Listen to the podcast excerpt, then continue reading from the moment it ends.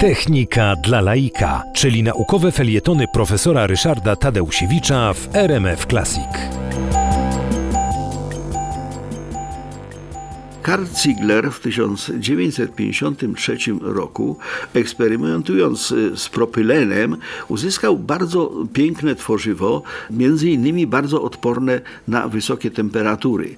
To była wtedy y, bolączka tworzyw sztucznych, dlatego że właściwie większość tworzyw sztucznych w wyższych temperaturach miękła i właściwie stawała się nieprzydatna. Tymczasem to, co Karl Ziegler zdołał syntetyzować, było znakomite i odporne.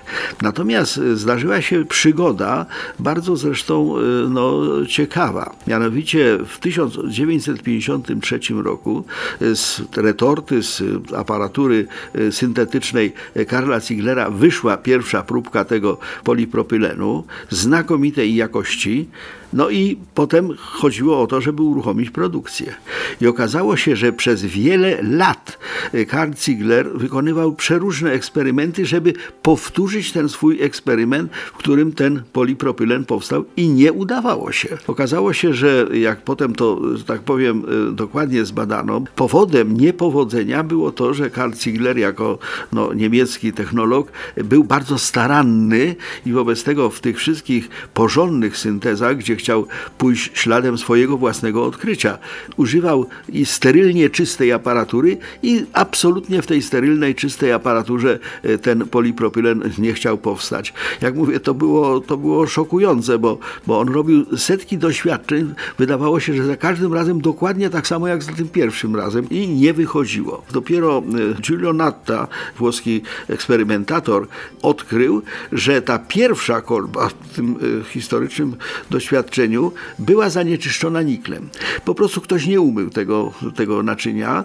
E, ta śladowe ilości niklu Zieglerowi nie przyszło do głowy, że ktoś mógł być aż tak nieporządny, żeby dać y, no, brudną retortę. Natomiast y, ta, ta zanieczyszczenie tym y, śladową ilością niklu było decydujące. W momencie, kiedy było to zanieczyszczenie niklem, no, synteza szła. Polipropylen po tym odkryciu Giulio Natty zaczął być produkowany masowo, ma bardzo wiele zastosowań, jest bardzo, jednym z bardzo korzystnych tworzyw, a ponieważ właśnie Karl Ziegler poprzez swoje pionierskie doświadczenie i Giulio Natta poprzez pokazanie, co trzeba zepsuć w tym doświadczeniu, żeby poszło e, dobrze. E, wytworzyli to tworzywo. E, tak bardzo to docenili naukowcy, że w 1963 roku obaj dostali Nagrodę Nobla.